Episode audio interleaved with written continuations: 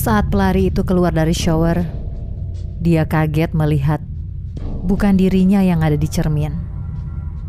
Waylin terus meniru gerakannya dan masih memiliki kemampuan untuk memaksa dia melakukan sesuatu walaupun hanya sedikit.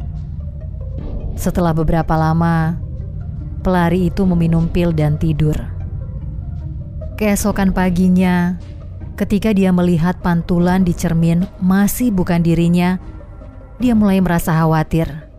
Sambil menolak mengakui dirinya mulai gila dan dia pun melanjutkan harinya seperti biasa. Di penghujung hari, dia mandi lagi.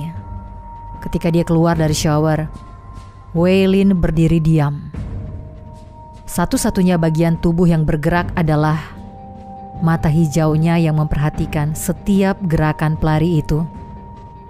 Si pelari itu menatap cermin tadi dengan penuh kecurigaan, tapi dia tetap melanjutkan rutinitas mencukur bulu kakinya seperti biasa.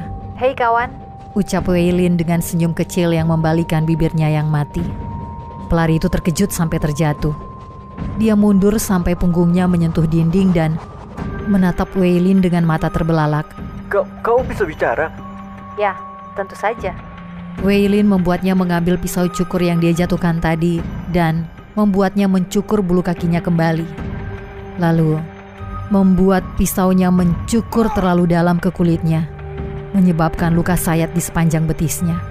Kecelakaan kadang terjadi. Keesokan paginya, Waylin membuatnya melewatkan sarapannya. Waylin membuatnya salah menancapkan garpu, bukan ke telur dadar, tapi justru ke tangannya. Kecelakaan kadang terjadi. Waylin jatuh cinta kepada pelari itu setelah sekian lama memperhatikannya. Bagaimana tidak? Akan tetapi, walau dia bisa menghabiskan sisa hidupnya melihat kebahagiaan orang lain, lebih menarik baginya untuk memperhatikan mereka ketakutan atau kesakitan.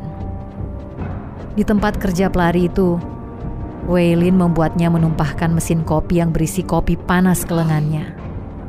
Saat dia mandi pada malam hari, Waylin membuatnya meminum tujuh pil dari yang biasanya hanya tiga pil. Pelari itu mulai kehilangan akal sehatnya. Bagaimana mungkin gak ada yang bisa melihat perempuan asing ini di cermin? Kenapa perempuan gak dikenal ini membuat dia menyakiti dirinya sendiri? Pagi itu, di luar sedang turun salju.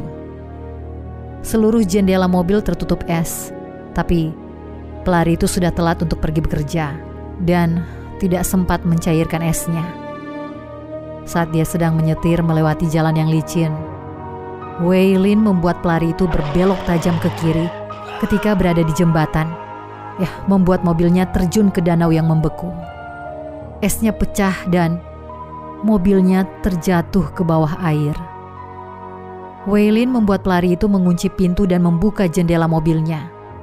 Ya, dia membuat pelari itu tetap memasang sabuk pengamannya dan tenggelam. Sebelum dia mati, dia bertanya ke pantulan dirinya. Mengapa?